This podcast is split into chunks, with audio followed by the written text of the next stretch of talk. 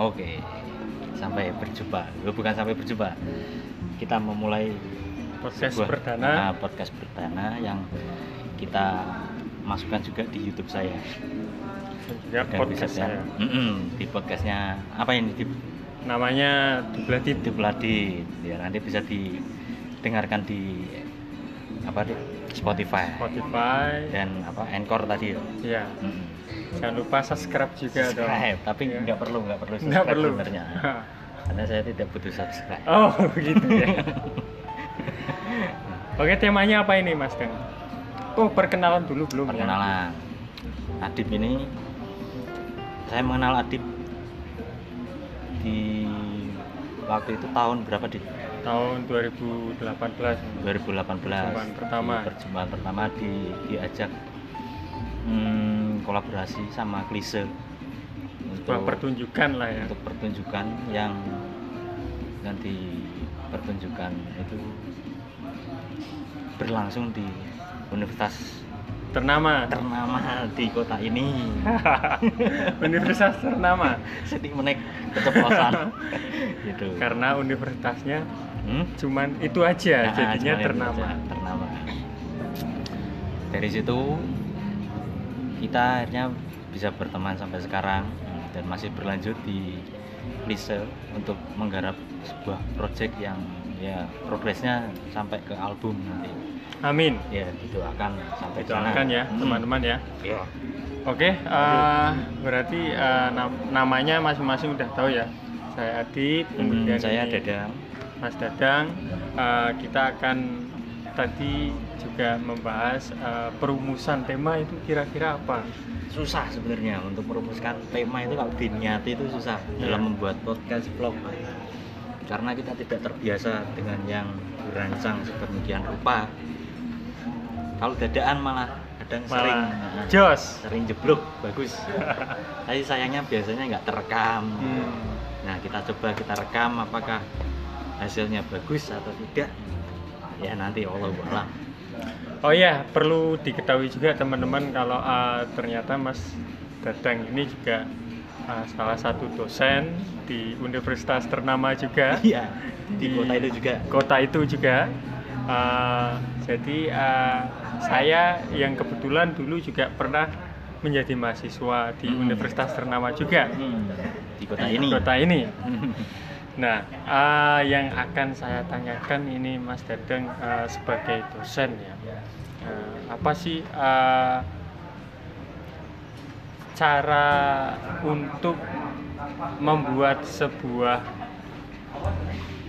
apa namanya uh, untuk membuat kok ya? Apa yuk kesepakatan perkuliahan pertama itu loh apa namanya? Oh ya ya ya. Maksudnya kontrak. Iya kontrak Kuliah. kuliah betul sekali. Nah itu mungkin kan lebih lebih bermanfaat mungkin ya bagi teman-teman yang mau kuliah atau uh, yang apalagi yang yang buat adik-adik ini yang mau masuk perkuliahan pertama Iya. mahasiswa baru. Kalau secara bahasa kerennya itu uh, angkatan pandemik angkatan Wah, covid ya ah, angkatan angkatan COVID. covid. Teman-teman angkatan covid yang mau masuk ke universitas. Nah, Ah mungkin ah, lebih ah, sebelum itu mungkin mas ah, tips and trick memilih universitas. Itu gimana? oke oke. Nah, tips and trick itu sebenarnya nomor satu kita cari yang globalnya dulu. Berarti universitasnya dulu. Reputasinya bagaimana? Oh ya, reputasi itu bisa kita apa ulik dari webnya atau YouTube-nya ketika kita apa ngetik keyword di YouTube itu universitas itu seperti apa? Itu penting juga berarti ya. itu penting. Reputasi, Nah, reputasi ah, dari universitas terus dari universitas itu bisa ditelusuri juga akreditasinya apa. Karena akreditasi universitas fakultas dan jurusan itu penting pentingnya karena ada batasan ketika kita mau masuk misalkan CPNS Ya. CPNS itu ternyata ada standarnya standar akreditasi minimal itu B Oh CPNS akreditasi Iya, minimal B. jadi kalau nanti ada eh, calon itu CPNS itu dia berasal dari institusi yang akreditasinya masih C itu bisa dipastikan langsung di diskualifikasi. Oh. Jadi minimal itu B. Itu eh, akreditasi universitasnya apa akreditasi fakultasnya mas? Semuanya. Minimal Semuanya. minimal B. Oh minimal B. Hmm. jadi kalau fakultas akreditasinya C walaupun kampusnya akreditasinya B tidak bisa. Tapi kayaknya kalau sebalikan itu kebalikannya kayaknya nggak mungkin kayaknya. Jadi Nggak biasanya turun turun menurun. Karena kan paling atas kan univ universitas terus fakultas baru fakultas ada jurusan ada prodi. Yang Hmm. paling bawah itu prodi. Itu biasanya kalau tapi kayaknya ada juga sih kayaknya yang universitasnya kadang masih masih B tapi yang jurusannya udah A. Iya. Nah, tapi yang yang terpenting kayaknya prodinya. Prodinya itu harus minimal B. Harus minimal B ya tapi untuk- ya untuk lebih baik untuk untuk kebaikannya semuanya harus kita telusuri B semua cari amannya seperti cari itu. aman Nah, jadi biar nggak ada pertanyaan kalau universitasnya C ininya B gimana jadi biar nanti ketika kita eh, mau mendaftar CPNS itu jadi aman nyaman Oh. nggak nggak perlu banyak pertanyaan itu kan kalau buat guru mas ya CP oh, oh Ya, enggak, enggak, ya enggak, semuanya enggak, C- semuanya. CPNS itu semuanya nggak harus untuk guru Itu. terus untuk tadi setelah ulik universitas baru masuk ke fakultas ya atau ke jurusannya langsung. Ya itu juga reputasinya seperti apa? Atau bisa kita eh, random random kenalan sama yang masih mengenyam pendidikan di situ. Oh ya Muli. misal kakak-kakak Nah, tingkatnya. kakak tingkat calon kakak tingkat. Calon kita kakak ulik. tingkat. kita ulik mas kenalan ini saya dari ini dari SMA ini mau tanya kalau prodi ini itu seperti apa belajarnya seperti apa terus eh, apa kualitas pembelajarannya bagaimana misalkan di musik misalnya di universitas ini bagaimana sih pembelajarannya sesuai enggak Oh. atau misalkan yang pendidikan kalau pendidikan itu fokus pembelajarannya detail atau hanya sebatas dasar-dasar kan kadang ada batasannya Hmm. pendidikan musik sama yang musik murni Ya. pendidikan musik biasanya masih masih dasar ya nggak masih yang penting basic basic Nah, aja jadi nanti eh, luarannya itu karena menjadi pendidik seni, Iya. pendidik musik. Walaupun nanti pengembangannya dia bisa keluar sendiri, nggak harus sebagai guru nggak masalah. Oh. Tapi di kampusnya tetap kayaknya nggak terlalu sedetail yang kampus-kampus musik murni, Oh. seni murni. Dan mungkin lebih itu juga mas ya lebih jujur juga kalau kita tanya tanyanya ke kakak tingkat Iya, kan. calon kakak tingkat daripada di merasakan. iya daripada di brosur kan kadang Hmm, cuma iya. iklan aja teman-teman tahu lah seperti apa iklan itu seperti Ah, apa iya. lebih uh, objektifnya kita tanyakan yang sudah merasakan Mm-mm, itu kurang lebihnya seperti itu tips ya. and trick. Tips and trick Ah, untuk memilih universitas hmm. Nah, tinggal juga apa uh, kadang nih ada juga nih uh, pandangan teman-teman entah itu dari secara individu maupun dari orang tua bahwa uh, kamu kalau kuliah itu biar bisa dapat pekerjaan yang matang. Mm-mm. Terus uh, ada juga yang berpandangan bahwa ya kamu kuliah itu untuk hanya sekedar mencari ilmu tanpa uh, untuk masalah pekerjaan itu urusan nanti. Mm-mm. Nah, itu kalau menurut Mas Dadang itu seperti apa ya? Gimana itu? Nah, ini. Pandangan-pandangan yang seperti itu. Kita harus memilih yang bagaimana. Oke. Sebenarnya kita harus harus memegang teguh tujuan akhirnya itu mau untuk apa. Oh iya. Kalau kita hidup itu orientasinya langsung kita mencari uang gitu ya, masnya. Kayaknya nggak perlu kuliah itu nggak apa-apa. Oh gitu. Nah, oh malah yang- gitu. Kalau mau mencari uang nggak perlu kuliah malah nggak apa-apa. Ah, bisa. Berarti jangan memaksakan kalau Jangan semisal memaksakan. uh, memang nggak ada biaya, jangan Ah, memaksakan untuk ya, kuliah. Kalau memang uh, uh, progresnya untuk dunia pekerjaan. Nah, karena eh, Selamat datang Mas Acong. Oh, selamat datang. Selamat datang, Mas Acong. Ini Selamat datang di vlog. Vlog kita ini sudah masuk podcast. Mas Acong bisa langsung bergabung. Oke Ya. bisa. Eh, terima Oke. kasih, terima kasih teman-teman. Kita geser ya. Ya boleh boleh boleh boleh. Langsung ke layar Langsung boleh. ke bak. Oke. Dan Nah, Oke. Gimana ini teman-teman kabarnya? Saya jadi tidak enak ini. Baru datang sudah disuruh ngopot. Salah telat toh. nggak apa. Tadi kan uh, iseng-iseng aja ini Mas. Jadi uh, daripada ngobrol-ngobrol yang uh, kadang kita uh, ngobrol yang produktif tapi tidak terekam, tidak tidak Mm. terdokumentasi. Kadang Mas. musproto Mas. Nah, Oh, Istilah iya, lupa. muspro. Betul. Nah, istilah. Karena kan Iya. kebenaran hanya milik Tuhan. Iya. Jadi jadi memang Betul. manusia itu harus dimaklumi. Iya. Betul sekali. Uh, tadi kembali uh, ke mana Mas uh, poinnya? Ke laptop mas. Ke laptop boleh ya mas. Jadi tadi ada uh, Orientasi. orientasi dunia uh, kita kalau mau kuliah itu harus menuntut pekerjaan apa kuliah berdasarkan mau cari ilmu.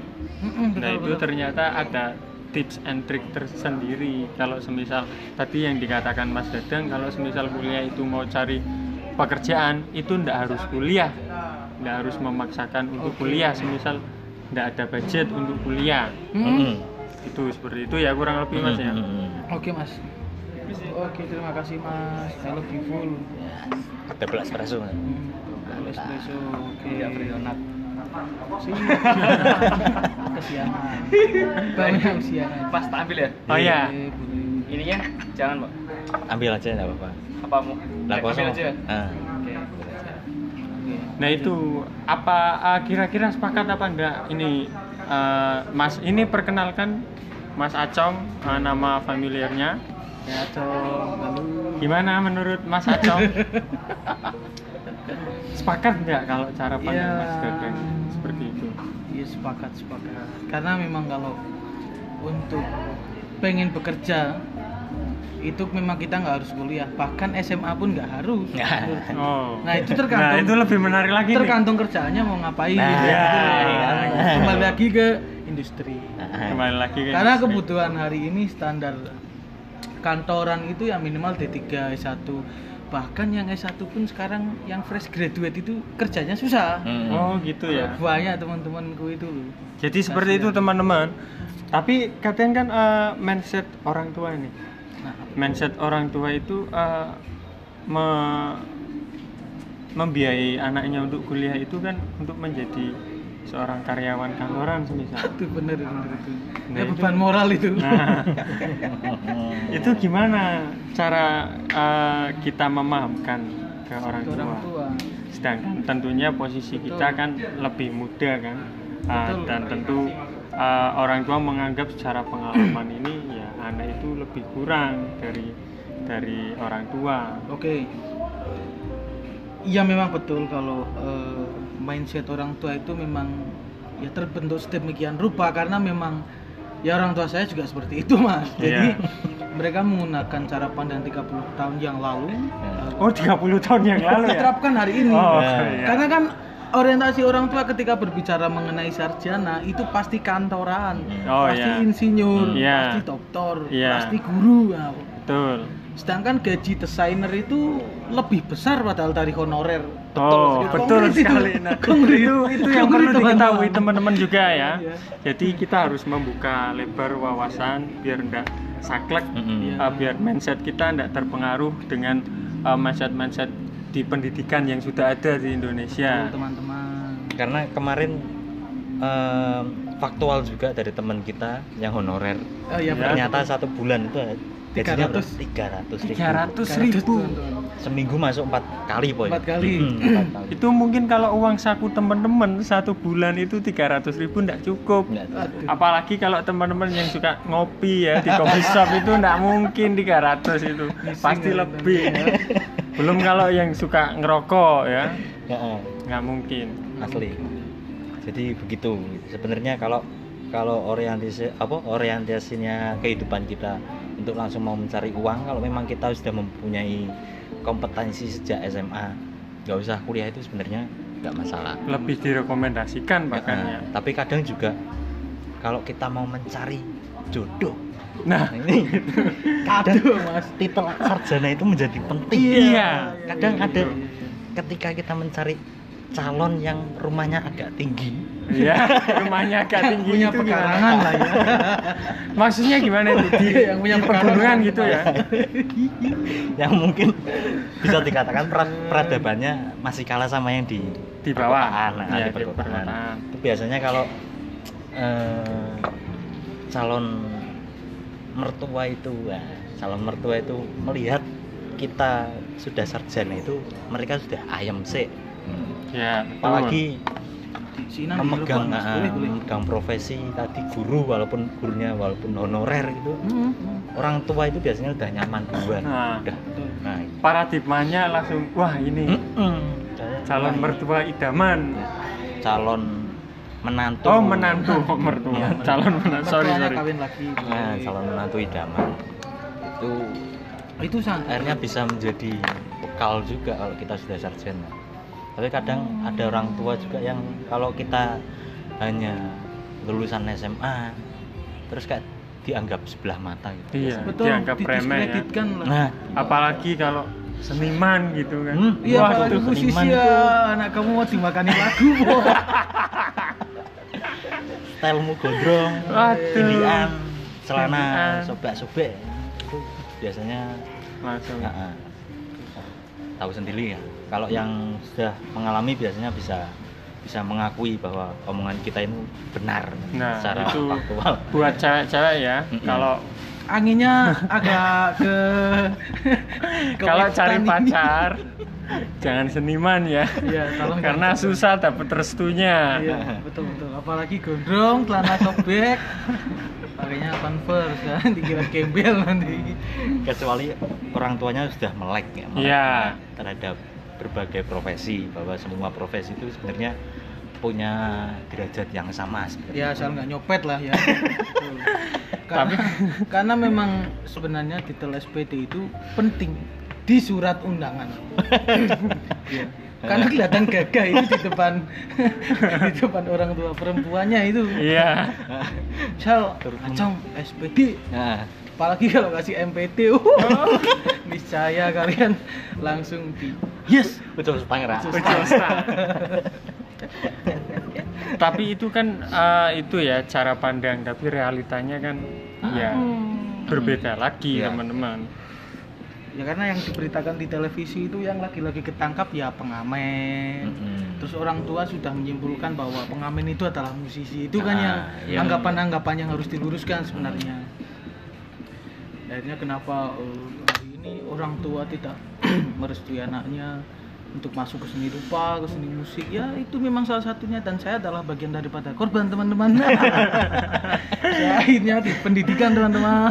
ditolak terus ya sama cewek ya aduh Betul betul betul betul. Bisa ini kasihan ini contohnya ya teman-teman tapi kalau semisal uh, ada teman-teman yang sudah terlanjur mempunyai pasangan yang seperti itu ya lanjutkan aja Hmm. tinggal uh, perjuangannya perjuangannya nah itu mungkin lebih bahkan lebih terasa rasa cintanya gara-gara perjuangan itu ya Ah, Betul iya. betul. Uh, kita masing-masing meyakinkan ke orang tua kita masing-masing bahwa dia itu tidak seburuk yang media kabarkan Hmm. uh, bahwa uh, orang yang enggak punya titel S1 itu enggak selamanya itu bodoh orang yang punya titel S1 itu enggak selamanya itu pinter juga.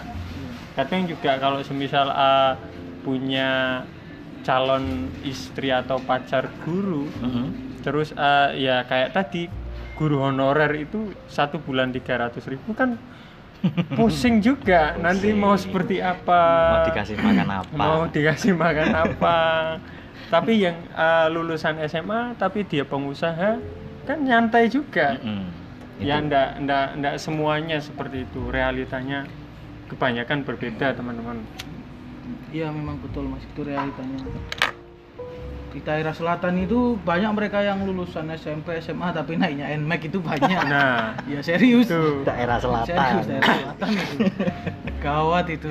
yang S1 jadi apa eh, jual bakso Ya, juga jadi buru administrasinya mereka Nah. juru ketik lah Nah. untuk memasarkan Banyak website, juga. di Shopee itu Nah, itu tenaga banyak tenaga juga. sarjana itu Heeh. nah otaknya ini malah mereka yang SMA kayaknya pelin juga ini mas ya ya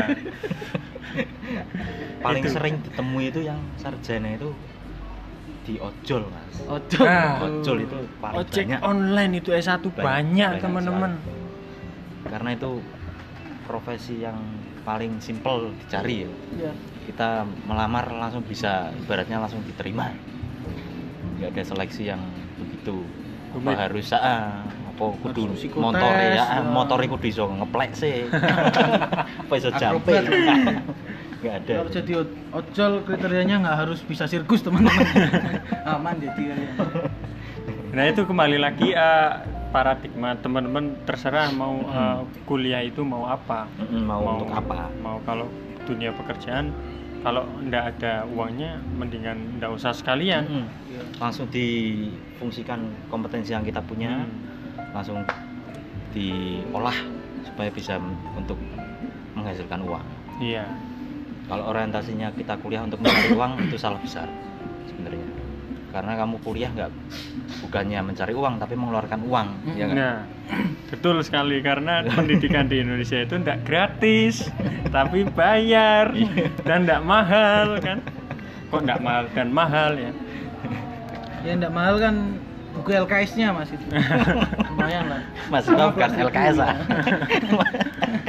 Sekarang medianya 4.0 udah menggunakan LCD mas ya, kasihan itu penjual-penjual LKS sekarang buku paket ya itu kan udah nggak laku juga ah. soalnya yang di apa dipublish di internet ternyata ada juga buku paket misalnya penerbit siapa ternyata di internet itu ada gratis Iya, Wah. sekarang sudah berbentuk PDF ya itu. PDF. Dan bisa di print sendiri. bisa dipin sendiri dan itu memudahkan kalian teman-teman. Itu. Tapi untuk menghargai penulisnya itu sebenarnya ya dengan kalian membeli Mm-mm. itu baik juga. Betul, jangan beli buku bacakan ya teman-teman ya. sekarang banyak sekali itu buku Apresiasi. bajakan itu apalagi kalau kalian membelinya di toko online itu itu Hmm, bisa dipastikan kalau harganya di bawah 30.000 ribu itu Ah, ah. biasanya KW Bajakan. KW nah. Minimal itu biasanya 4, 45 45 Nah, 60-an lah. kecuali yang tipis ya yang Iya, yang halamannya tipis. tipis. itu sekitar 30 ada Nah, tadi berarti eh, itu kan yang paradigmanya kuliah untuk kerja ya. Sekarang kalau kuliah emang benar-benar untuk cari ilmu, Hmm. tips and triknya seperti apa itu? Tips and trick Kadang kan kita bingung ini mau milih eh, jurusannya apa ya, saya sukanya apa, terus ini apa kadang masih eh, berputar di situ. Tadi di awal juga sudah ada sedikit eh, cipratan kita bahas itu ya. Eh, tipsnya salah satunya tadi kayak eh, ditanyakan dulu yang sudah terjun di kampus itu Mhm. seperti apa Mhm. dan lain sebagainya atau mungkin ada tips lagi seperti apa kalau semisal uh, kuliah untuk memang benar-benar cari ilmu kalau menurut saya itu sesuai apa yang kita inginkan. Sesuai kompetensi yang kita geluti. Misalkan saya di musik. Jangan sampai kita mengikuti arahan orang tua juga. Kadang orang tua itu pengen kita menjadi seorang dokter misalkan. Ya tapi kita nggak suka.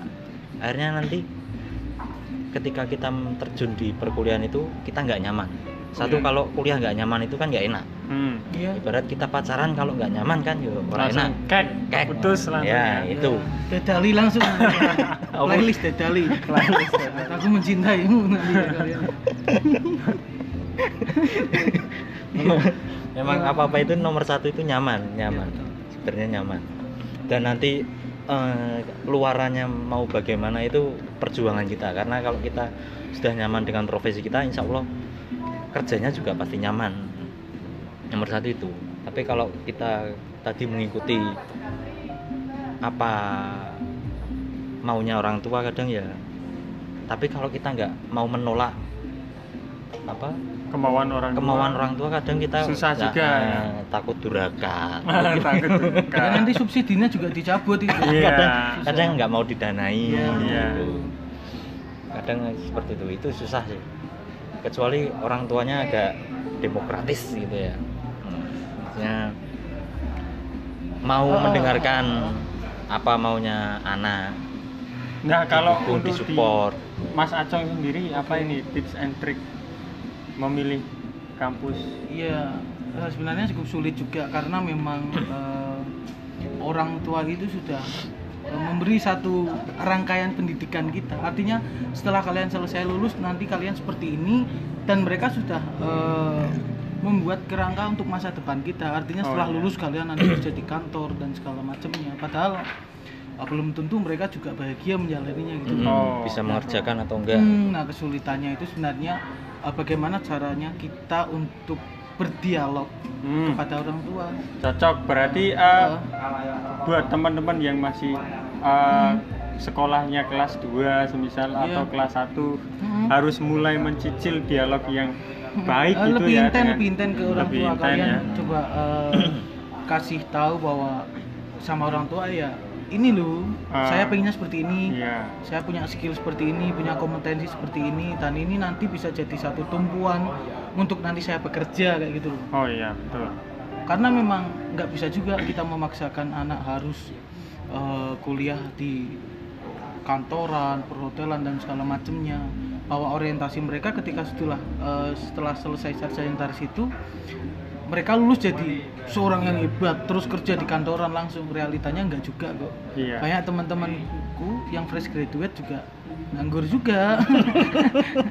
Kan kasihan. Tapi yo tapi nganggur ditelateni ya apik hasilnya ya cukup mengeksploitasi orang tua juga itu ya. Hmm, betul. karena masih minta subsidi dari orang tua kan enak juga. Intinya dialog dari Iya. orang tua harus sesegera mungkin diperhatikan, dipikirkan ya. ya, Untuk- ya lebih lebih intent kita komunikasi sama orang tua Hmm. itu sih karena kalau enggak ya susah juga Wong kita kalau mau nyari pacar juga nanti kalau untuk menuju jenjang kepernikahan juga harus komunikasi sama orang tua bagaimana Betul. enaknya dan segala macamnya masa kalian kuliah nggak berani kan Itu pengalaman ya. Iya, enggak juga. Enggak enak ini. Tunjuk sih Ah, ya. tunjuk, ini gitu loh. Masih panas, Mas. Ya seperti itu teman-teman. Hmm. Ah, mungkin ah, gini Mas Dan, semisal ah, saya suka di bidang Hmm. matematika semisal. Hmm, hmm. Saya pengen masuk eh, di bidang matematika. Nah kadang kan eh, paradigma teman-teman ini kan ka- ketika suka matematika itu harus jadi guru itu bener apa enggak mas? Enggak sebenarnya. Ketika kita masuk ke jurusan yang pendidikan gitu ya, walaupun titelnya sarjana pendidikan, itu sebenarnya nggak harus semuanya menjadi guru. Karena kalau yang penting saya itu linear, satu linear. Linear itu apa mas? Misalkan pendidikan musik ya, Ya. masih ada unsur-unsur musik. Kita sebagai seniman pun, musisi pun masih oke lah, masih linear. Oke. karena ya tadi itu ya sebenarnya kalau pendidikan alangkah baiknya menjadi pendidik ya tapi kan realitanya di Indonesia pendidikan itu kan tahu sendiri ya. Iya. untuk untuk masalah misalkan kita bekerja gitu kan efeknya kurang baik kalau statusnya masih honorer kayak tadi tapi sebenarnya ada pilihan juga kalau kita mau menjadi guru ada yang honorer maksudnya nggak harus PNS tapi hasilnya lumayan ya jangan di negeri Oh gitu. swasta itu justru Lebih menjanjikan. ah, ah, memberi penghargaannya itu lebih lebih bagus daripada yang Negeri. Nah, karena realitanya begitu teman-teman saya itu banyak yang hijrah ke eh, ibu kota. It- dan mereka menjadi guru swasta. Dan hasilnya ya lumayan daripada yang negeri di kota-kota. Memang karena di kota kecil mungkin lebih itu ya perkembangan secara untuk pekerjaan secara penggajian itu kayaknya masih belum menggunakan standar upah. UMR. Ah, minimum. Tapi kalau di kota besar kan kayaknya yang negeri pun yang negeri pun sudah distandarkan masuk ke UMR. Walaupun honorer. Hmm. Tapi kan ada tapinya harus hijrah. Nggak semua anak itu mau hijrah loh. Karena kadang ada yang pertimbangannya nggak mau jauh dari orang tua Oh iya. Heeh. tapi kalau Hijrah yang dimaksud pindah. pindah tempat. kan ya. hijrah kan masing-masing Iya. itunya persepsi lah ya masing-masing jadi begitu tapi memang memang kalau kalau kita masih belum belum tergiur dengan PNS kayak tadi karena PNS juga saya sekarang untuk masuknya itu susah sekali. Hmm. misalkan saya Banyak seni. seleksi ya. seleksinya itu bisa dikatakan kurang kurang apa ya? Yang diujikan itu tidak sesuai dengan kemampuan kita. Misalnya saya, saya seni musik tapi untuk untuk tesnya itu masa harus Pancasila bahasa Indonesia terus apalagi itu? Eh, warga negaraan terus kepribadian. Itu kan sebenarnya malah kompetensi kita kan di situnya nggak ada. Oh. soal-soal yang terkait dengan bidang-bidang kita. Akhirnya kan kita harus membuka buku-buku yang lama buku SD buku SMP SMA matematika itu juga ada aritmatika logaritma. Itu kalau Mas Atip sendiri kalau untuk mencoba tes CPNS pasti eh jamin. Eh gitu eh, ya. ya nggak semua nggak semua bisa. Ini yang menguntungkan ini kan akhirnya yang diuntungkan kan untuk mahasiswa yang lulusan matematika. Ketika nanti ketemu dengan soal-soal itu wuh santai. Iya. untuk anak mahasiswa yang lulusan tadi keluarga negaraan Pancasila atau yang ada di situ soal-soalnya aman mereka. Tapi kan yang dirugikannya nggak ada di situ. Oh iya. oke. Olahraga seni terus apalagi IPA juga nggak di situ nggak masuk. Fisika gitu nggak masuk. Hmm. tapi kan mereka masih oke lah. Hitung-hitung masih bisa menyelesaikan matematika. Tapi kalau kita yang musik kan Hmm. nol besar. Iya. kita harus mengulang ilmu-ilmu yang lama. Kadang ya memang sudah blank apalagi saya secara pribadi untuk hitung menghitung agak susah sebenarnya sama Tapi kalau ngitung duit enggak ya. Nggak, nggak, nggak, karena fisik ada benda fisik Bener-bener fisik. itu teman-teman Ah. jadi memang sekarang seleksi untuk masuk ke negeri sipil itu susah sekali Nah, tadi kan ah, kalau matematika enggak harus jadi guru ya, Mas. Ah, ah. Nah, itu ada enggak sih eh, prodi matematika murni gitu? Ada, enggak pendidikan gitu. Ada. Jadi eh, berarti kan ada ada perbedaan pemilihan Hmm, ya. hmm, hmm, hmm. Kalau semisal mau jadi guru ya matematikanya yang pendidikan. Hmm, Kalau yang, yang murni ada murni Ah. enggak harus eh, ijazahnya nanti enggak SPD ya. Hmm, hmm. ya nggak tahu juga masnya se- intelnya apa kurang paham tapi yang saya tahu aja masnya di dunia seni gitu ya. Yang pendidikan musik ada yang seni musik eh, murni ada.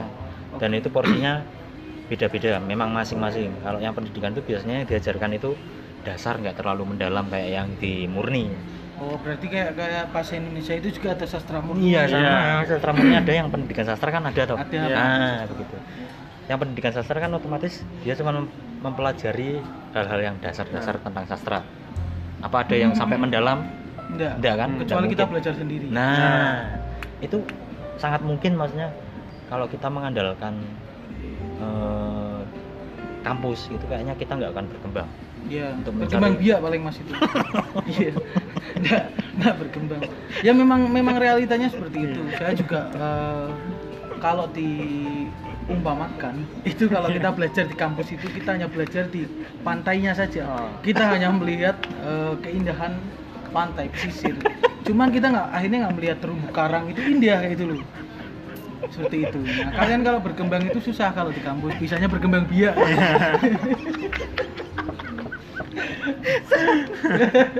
bisa analoginya pantai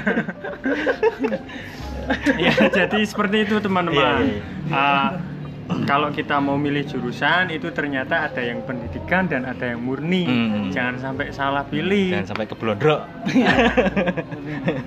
Susu aja ada yang murni kok. Kalian. tapi kan pendidikan susu nggak ada pendidikan susu nggak ada itu Ya, iya, betul, betul, betul. Betul. Enak ini. Lanjut Dip. Lanjut. Lanjut oke. Mantap.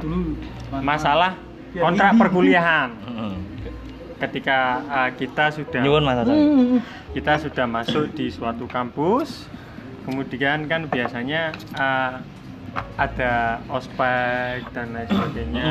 Terus kita memulai di semester awal Hmm. itu ada kon- kontrak perkuliahan. Kontrak perkuliahan. Nah jadi kontrak perkuliahan itu apa?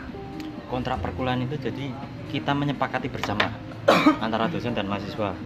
Dosen itu sudah mempersiapkan planning planningnya Oke. setelah itu di di floor kan diceritakan kepada mahasiswa bahwa eh, tahap-tahapannya seperti ini penilaian saya seperti ini eh, tanggung jawab yang kalian harus kerjakan lakukan ini ini ini ini. Jadi seperti itu. Jadi itu juga nanti bisa menimbulkan kritik dari mahasiswa ketika dosennya itu mengajarkan yang tidak sesuai dengan oh kontrak perkuliahan Jadi berarti agak berbeda dengan yang di sekolahan nih ya. Kalau di sekolahan kan biasanya eh, siswa ya Manut, manut-manut manut, aja ya. ya. Sudah ada rancangan dosennya. proses Ah, pembelajarannya. Ah, iya. Tapi kalau di kampus eh, kita juga berpikir bersama Ah, itu berpikir ya. bersama. Tapi ada juga dosen yang tidak eh, apa menceritakan ini apa kontrak perkuliahannya, jadi nggak dikasih tahu. Ada juga yang seperti itu. Oh, masing-masing dosennya Hmm, berarti ya. hmm. Ya itu mungkin Hmm. eh, tipikal dosen-dosen yang bakal improve di tengah jalan biasanya ada yang kayak gitu. Tapi memang sebenarnya improve itu perlu atau atau bisa dikatakan fleksibel. Karena kalau kita setiap tahun model pembelajarannya seperti itu saja kayaknya nggak ada kemajuan. Karena yang namanya ilmu kan setiap tahun, setiap hari kan pasti ada perkembangan. ya. Heeh. Ilmu itu kan berkembang ya. Nah, i- bisa diibaratkan di musik ya. Musik misalkan musik kontemporer yang kita bahas di jam ini, yang bisa dikatakan jam ini eh, kolaborasi band dan gamelan itu bisa dikatakan musik kontemporer. Ya. Oke. Tapi di beberapa tahun kemudian ini sudah nggak nggak bisa dikatakan kontemporer karena sudah terbiasa, sudah biasa Hmm. Populer akhirnya. populer Oke. karena udah terlalu banyak dan kita harus sebenarnya eh, akademisi atau seniman musisi atau apa pun itu harus Satu selalu padu update. ya. Heeh, harus selalu update untuk membuat Upgrade. kontemporer kontemporer yang baru karena kontemporer kan lebih ke masalah kebaruan ya Oh, kalau ya. di era lama itu kan kontemporer kan masuk ke ranah zaman Berarti perkembangannya komponis siapa itu? Komponis kontemporer gitu. ya memang dia karyanya itu berbeda dengan musik-musik klasik yang sebelumnya. Dia punya gaya baru. Kayak ibaratnya di tahun itu juga muncul John Cage yang yang menyajikan sebuah pertunjukan tapi dia tidak membunyikan apa pun. Nah itu musik kontemporer akhirnya karena eh, atas keresahan kok musik kayak gini terus jadi kalau bisa itu mindset sebuah musisi seniman harus selalu resah ketika kita sudah menciptakan satu karya kita harus selalu resah lagi kok karyaku masih kayak gini yo Hmm. jadi sebagai Jadi ada acuan, perkembangan juga ya. selalu ada perkembangan Dalam setiap karyanya. soalnya kalau ada kita sudah terlalu progresnya. nyaman itu ya udah monoton kita berkaryanya stuck ibaratnya Mas Otong sekarang masih berkutat dengan apa ini Lukisan. Ah, gambar-gambar di. HP kadang kayak gini kayak gini sendiri. Ngiplik-ngiplik kayak gini. ya. Nah, itu juga nanti mungkin dia akan berkembang untuk beralih ke entah dia beli alat yang lebih Oke. canggih lagi, ya kan? Kan nggak mungkin. Hmm. Maksudnya ada kemungkinan juga kalau semakin itu berkembang dan akhirnya mungkin karyanya bisa lebih bagus lagi Hmm. ya. dan Nggak bisa pakai biak kali ya. Cuman berkembang. Jadi ah, lebih ke kalau semisal ada perbedaan cara pendidikan di SMA dan di kampus ya mas ya. Hmm, harus ada perbedaan Nah. sebenarnya. Kalau di SMA ya kita cuman manut-manut aja dengan guru, tapi kalau di kampus ya kita harus sesuai kesepakatan secara bersama Kontrak, ya. iya, Iya. harus sesuai dengan Nah. kontrak perkuliahan tadi. Ya, harusnya lebih interaktif berarti kalau Iya, di situ bener, ya. bener. Interaktif. Nah, poinnya lebih interaktif ya. Oke. Komunikasi antara mahasiswa dengan dosen itu harus lebih uh, baik ya. Kita Iya. saling mengenal antara mahasiswa dan dosen. Memang Jadi sering kali yang cukup susah itu kan eh, kita sebenarnya kalau di dalam proses pembelajaran itu eh, ketika dalam penyampaian satu materi itu sebenarnya sudah punya satu gagasan untuk menyanggah pernyataan dari dosen Nah, sebenarnya. Iya. Nah, ketidakberanian yang memang eh, belum diajarkan secara karakteristik dari dulu, Hmm. itu akhirnya membuat ketakutan sehingga proses pembelajaran di dalam kelas itu cukup pasif. Iya. Kita Kurang un- untuk berargumen pun kadang susah, Mm-mm. karena memang takutnya itu nanti salah. Nah, Sebenarnya itu. Padahal kan kalau kita beranggapan terus berargumen itu salah, akhirnya kan itu menjadi satu bentuk pembelajaran, bukan Iya. kesalahan secara utuh Iya. gitu loh. dan ah, diskusinya itu kan di dalam kelas Mas ya. Hmm. Salah itu ya nggak apa-apa. Iya, karena kebenaran hanya milik yang Tuhan. Tapi ada Gitu. yang mempengaruhi kita menjadi pasif itu ada kadang Betul. berdampak pada kalau kita terlalu aktif dan suka menyangkal dosen itu biasanya berdampak ke nilai, Nilai. Nilai. itu akhirnya kita menjadi Iya. kaku rengkang Menjadi kendu ya, menjadi kendu ya. Ya sebenarnya menurut saya pun nilai itu sebenarnya nggak cukup penting. Ah, Karena untuk mengukur satu uh, pemahaman teori dari siswa itu nggak bisa dinilai. Karena kebenaran pun nggak bisa dinilai secara utuh. Apa yang menurutku benar belum tentu menurutmu benar. Ya, gitu. benar. Kecuali kita belajar disiplin ilmu yang memang itu Ilmu harus- pasti, Ah, ya. ah, ilmu pasti harus diurai. Bahkan yang pasti pun masih bisa diurai. mm-mm. Loh, kayak, kayak matematika itu juga bagian daripada bahasa loh.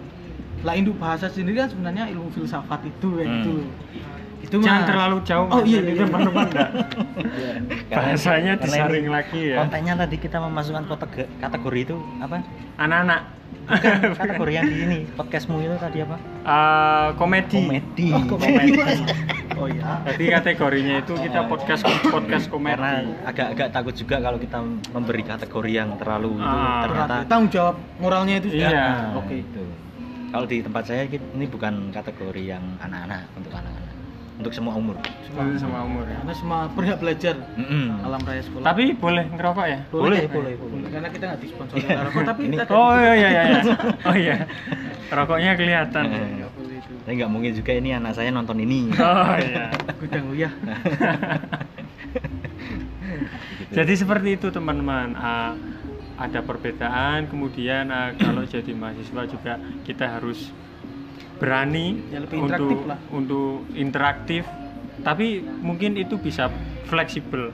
Kalau ah, tuntutan teman-teman di orang tua itu adalah nilai, ya kita juga harus fleksibel di situ. Iya, betul. Nggak harus saklek kita harus ah, semisal ada dosen salah kita bagaimana caranya biar membenarkan Iya. semisal ada karakter dosen yang berbicara masalah nilai dan kita dituntut orang tua untuk nilai mungkin uh, itu kita lebih fleksibel lah Hmm. jadi orang yang lebih Adab fleksibel berarti. Ah, Iya. Karena adab itu lebih tinggi dari ilmu. iya Nah, Masa kalau dosen kalian salah, kalian goblok kalian. Susah juga. Ah. Nggak enak juga kan. nah, nah mungkin jalur pelurusannya juga ada Iya. jangan secara Ya, ada, kasar ada yang lebih eh, beretika. iya Ah, ada etikanya Sebelum berbicara estetika kan juga harus beretika. Iya. Ya, agak pinter sedikit. Tapi kecuali kalau semisal uh, orang tua teman-teman ini ya fair aja, masalah nilai atau apa terserah. Nah itu menjadi adrenalin tersendiri. Mau ibaratnya mau misui dosen pun nggak masalah ya. Ya, Nggak masalah teman-teman. Uh, kita jangan terlalu apa uh, jangan terlalu berstigma takut dengan dosen tapi juga kita harus menyesuaikan dengan diri kita Uh, dapur kita itu seperti apa latar belakang kita itu seperti apa kita harus bagaimana di ya mungkin tidak semua tidak harus di kampus tapi di semua tempat kita harus bisa uh, beradaptasi dan jangan merasa ditindas Mm-mm. bersikap lah. bersikap Bersikap dalam arti kan eh, menentukan etika kita. Unggul-unggul lah kalau istilah Hmm. Jawanya itu. Mosok guru masih goblok-gobloknya kan ewuh tuh. Artinya itu juga menjatuhkan karakteristik seseorang Iya. Oh, juga. kayak kalau gitu. kalau misalkan guru itu memang kurang ya kita Nah, cukup itu tahu ingat saja itu? Hah? itu apa ini bersihkan. iya ini kayaknya punya saya udah mulai penuh Berarti ya kita lanjut saya- dengan episode ini yang enggak ya, ini podcastnya lanjut vlog saya saya akhiri dulu aja Oh, iya. Nah, Oke. gitu. Sampai jumpa terima kasih Mas Adib dan Mas Acong Oke, kita lanjut di podcast lanjut tanpa di visual podcast. ya. iya betul Oke. ya Nah, lanjut di podcast Tanpa visual. jadi sampai mana ah, kita jangan merasa ditindas di kampus ya. Karena stigma yang di SMA itu ya seperti itu murid harus tunduk terhadap guru bahkan bukan kasusnya bukan di uh, dalam kelas aja kadang di organisasinya pun seperti itu. Betul. Kayak semisal di osisnya Hmm. atau mungkin pas teman-teman membuat uh, acara di sekolah entah itu ulang tahun sekolah Mm. panitianya uh, terlalu didikte oleh guru. Iya. Ya itu masih banyak sebenarnya. Masih banyak ya. Pendiktean itu ya. Pendiktean memang, memang itu adalah salah satu model pembelajaran orang-orang dahulu. Cuman akhirnya ada satu eh, ini juga mas eh, sisi positifnya. Artinya ketika menggunakan itu banyak orang yang dulu itu sukses karena eh, proses pendidikan dari guru dan dan mereka itu nggak nggak nggak merasa tersiksa kayak betul. mereka dipukul penggaris di ini dan segala macam dengan gaya model pendidikan yang cukup keras itu mereka itu memang eh, serasa akhirnya terbentuk secara karakteristik walaupun kalau mereka yang memiliki latar belakang memang kecenderungan kayak orang-orang penakut dan segala macamnya itu memang kalah waktu itu tapi akhirnya kita lebih menghargai sosok guru kayak gitu loh etikanya itu ada etika. berjening guru itu Ah, lebih ah. muncul ya soalnya kalau sekarang itu murid dipukul guru itu yang dimarahin itu gurunya. Gurunya. Dimarahin orang tuanya. Dikasuskan ya Nah. gurunya ya. Jadi nggak nggak bisa kayak zaman dulu ya. Kalau zaman dulu kan anak dipukul sama guru pasti anaknya ikut dimarahin juga sama Iya. orang tua. Itu saya juga pernah seperti itu. Sama Ah. Pak. jadi itu berarti kita masih sama mudanya. Iya, saya tak menyesuaikan umurnya mas. Oke aja. betul muda soalnya saya. Tapi kalau secara visual tadi teman-teman kalau lihat di YouTube-nya Mas Dadang itu sama kok 11-12 antara Mas Acong dan Mas Dadang ini secara face ini nampak sama. Seperti itu Mas. Ya jadi itu kalau di apa metode pembelajaran kan, tapi juga ada juga kasus yang kita yang ma- dimaksud terlalu didikte itu kadang eh, si siswa ini hanya mengurusi urusan teknis, tapi secara apa eh, pemikiran semisal kayak mau bikin acara apa eh, ulang tahun sekolahan yang ngundang gue star semisal. Nah itu yang menentukan itu semua yang di atasan konsep acara mau seperti apa. Terus mas eh, siswanya ini cuman disuruh teknis, Mm-mm. Nah itu kan juga kadang menjadi sebuah uh, ketidakbaikan juga dan mungkin nanti teman-teman di kampus pun kadang ada yang masih seperti itu iya ada dosen-dosen yang masih terlalu mendikte Oke, mendikte dalam secara materi juga proses Iya. pembelajarannya juga. Uh, karena kan kampus hari ini itu mencetak nggak melahirkan mas. Nah, kalau Betul. mencetak itu harusnya saklek menjadi satu kemauan mereka. Tapi kalau melahirkan kan mereka bisa berkembang, Iya. bisa tumbuh besar dan segala macamnya. Betul sekali. Ini kembali lagi nih ini menjurus ke kayak kita berkarya pun ya. Kalau kita konsepnya melahirkan itu lebih bagus karyanya Hmm. dan kalau kita sudah terlanjur melahirkan itu ya udah biarkan. Biarkan. Orang itu mau menilai karya kita itu bebas. Bebas. mau di cover kayak mau di cover mau apa di apa. Kayak. nah, kita yang- jangan ribut ya. Nah ini yang menjadi masih uh, rame di dunia ini. Entertain. Nah, entertain ini yang cover cover nggak izin itu. Iya. Sekarang dimintai royalti itu inilah. Sebenarnya itu juga ada porsinya ada maksudnya ada nggak nggak harus dipukul. Semua yang cover cover kayak gini itu harus dimintai royalti. Iya. Kita harus menyesuaikan juga ini viewersnya memang sudah banyak apa belum ini Iya. sudah dapat gajian dari YouTube-nya apa belum kok sampai artisnya itu meminta royalti kan harus Iya. menyesuaikan juga Iya. gitu. Cover itu juga bisa jadi bagian eh, cara mereka berapresiasi terhadap karya Nah, seseorangnya. iya Nah, akhirnya beda lagi kalau untuk kebutuhan industri. iya Akhirnya copyright ini dibentuk kan eh, sebagai satu bentuk kebutuhan pasar sebenarnya. Ya untuk memperkaya kantong pribadi lah. Ya, ya menurutku seperti itu. tapi ini sekarang YouTube juga akhirnya mengikuti loh jadi Hmm. sekarang untuk konten-konten yang cover-cover itu sudah nggak bisa dimonetize monetize langsung masuk ke artisnya langsung jadi eh, buat teman-teman semua mending kalau sekarang mau berkarya di YouTube mending jangan cover langsung berkarya saya menyarankan itu ya terserah lah sejelek apa pun karena memang nggak ada Ah. yang jelek juga Ah, karya itu hmm. Kecuali kalau memang kalian masih mau cover ya nggak masalah. Tapi misalkan memang viewersnya kalian sudah banyak subscriber sudah banyak mending langsung izin. Mm. nanti pembagiannya bagaimana? Hmm. langsung. Itu lebih ada enak. interaksi langsung interaksi dengan langsung. uh, pemilik karyanya. Ah, itu lebih lebih fleksibel lah. Mono tembung.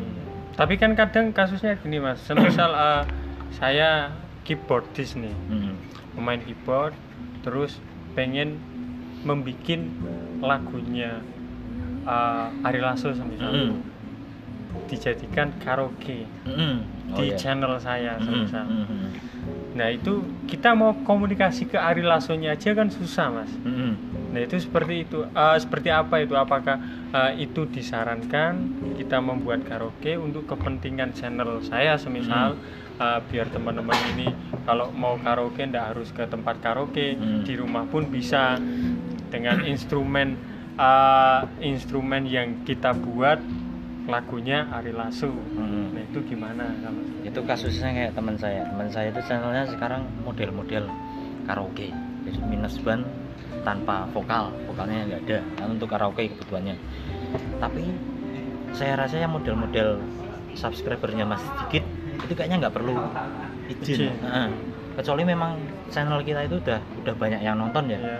dan itu pasti ada penggiringan penggiringan channel kita ke artisnya langsung Iya. misalkan sebar link terus setiap itu akhirnya kita ketahuan oleh artisnya langsung mending kalau yang model subscribernya udah banyak kita udah dikenal publik lebih luas itu langsung izin Oh. kayaknya pasti direspon sih kalau kita channelnya memang subscribernya Oh, sudah iya. banyak tapi kalau subscriber subscribernya masih 10 gitu Iya. mending kayaknya buat artis itu sendiri pun bisa lah Wak. kayaknya seperti itu dan kayaknya harusnya artis-artis yang sudah populer yang sudah banyak gajian dari karyanya itu nggak usah terlalu meminta bagian dari teman-teman yang masih kecil-kecil inilah Betul. Itu PR juga buat Ah, artis ya. Nah, Bu, nah, ibaratnya Jangan bag- kemaru Iya, ojo kemaru. Nah, ngaranku yo gitu wae kan tujuan kita berkarya kan untuk melahirkan habis itu dikonsumsi publik terserah mau diapain gitu kan. Ngover punya itu sebagian dari promote Lagunya. ah, promote lagunya kan dampaknya juga kepada kitanya sebagai Iya. artis gitu kayaknya itu tapi kadang ya masih ada yang saklek gitu ya harus meminta royalti. Kadang sampai di ibaratnya di istilah YouTube itu apa ya? Ditarik itu loh. Videonya sempat ditarik ada itu teman saya. Teman saya itu Dihilangkan. ngerti keroncong pembatas Iya. di YouTube itu itu kakak kelas saya. Kakak kelas saya di universitas situ. Itu ada beberapa lagu yang ditarik.